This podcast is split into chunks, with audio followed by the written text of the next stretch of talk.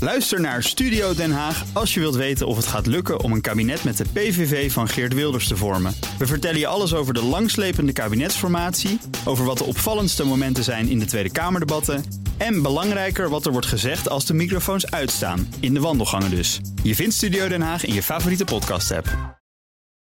Auto-update. Eerst gaan wij naar Nout Broekhoff van de Nationale Autoshow. Goedemorgen. Nout, goedemorgen. Hoi. De samenwerking tussen Renault, Nissan en Matsubatsu is springlevend. En ze- Mitsubishi. maar ze heten toch Stellantis Group tegenwoordig, of niet? Nee, dat is weer met eh, Peugeot en Fiat. dat is met Peugeot, ja. Fiat. Oh, ja, ja. Dat is Dit allemaal is heel Renault. verwarrend, ja. ja. Dit is het Goon-concern Ja, eigenlijk. hè? ja, Goon het with the vroegere wind. eh, Carlos Ja, nee, Ghosn precies. concern. Ja, ja, ja. Go with the Wind. Ja, ze vormen dus een alliantie, dus een soort strategische samenwerking, eh, een samenwerkingsverband. Een Mhm. paar jaar geleden leek dat op sterven na dood, inderdaad, door Carlos Ghosn, de voormalig topman. Allerlei misstanden waren aan het licht gekomen, hij had fraude gepleegd. Maar goed, eh, ze weten elkaar nu toch weer te vinden, omdat het gewoonweg niet anders kan. Ze moeten miljarden investeren in elektrificatie en ze hebben elkaar gewoon keihard nodig om dat te doen. Er komt eh, later deze week, zegt eh, Reuters, een nieuw toekomstplan van de drie. Ze investeren de komende vijf jaar 20 miljard euro in de ontwikkeling van elektrische auto's. En ze gaan ook een nieuw platform ontwikkelen eh, voor eh, een compacte, betaalbare elektrische auto. Die echt kan concurreren met een auto die op benzine rijdt. Oké, het is een soort Dacia Spring, was ook van Renault, maar dan groot. Nou ja, d- laten we niet te veel woorden vuil maken aan de Dacia Spring. Gelukkig. Lamborghini neemt na dit jaar afscheid van auto's met alleen nog een verbrandingsmotor. Ja, het einde van een tijdperk nadert. Geen V8 of V10 meer, zoals in de Huracan STO. Luister maar even. Ja, dit willen we toch horen. Atmosferische V10, nee? Nee, het moet gewoon. een- Een Lamborghini klinkt zo. Het wordt helemaal niks. nou, Straks. volgend jaar introduceert Lamborghini plug-in hybrides. Ja. Mhm, Dus op basis van de V8, denk ik. En dan daarna, in de tweede helft Ja. van het decennium, dan horen we...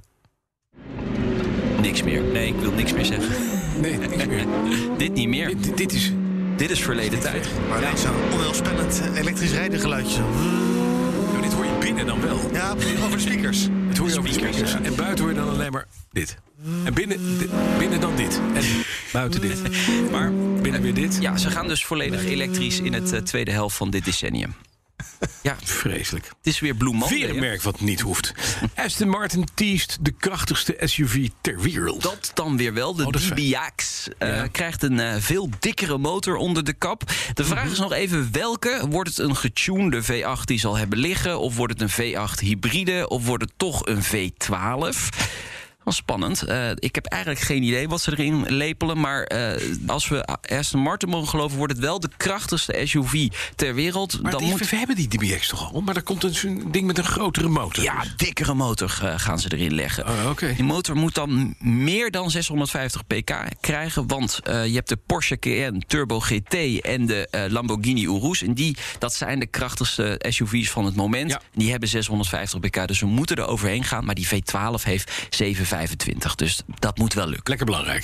Kan je met je, met je camper cruisen kan je Ja. met, op de achterwielen weg bij de- Het is in de het Lamborghini. luxe segment, wil je toch kunnen zeggen... ik heb net even sterkste. wat meer. Ja, Mine is precies. bigger. Ja, inderdaad. Ja, mannen ja, die ja. vrij klein geschapen zijn. Dan over mannen die vrij klein geschapen zijn. Tesla-baas Elon Musk leverde afgelopen week een deel van zijn vermogen in. Ja, eh, het was een slechte beursweek eh, vanwege de rentevrees. Daar hebben we het vast ook over gehad vorige week. Het kostte Elon Musk in één week tijd bijna 24 miljard dollar. Nee. Nee.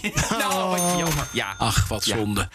Maar we hoeven gelukkig geen medelijden met hem te hebben. Want volgens Forbes heeft eh, Musk nog steeds 244 miljard dollar. Ja, Daar gaat hij weer.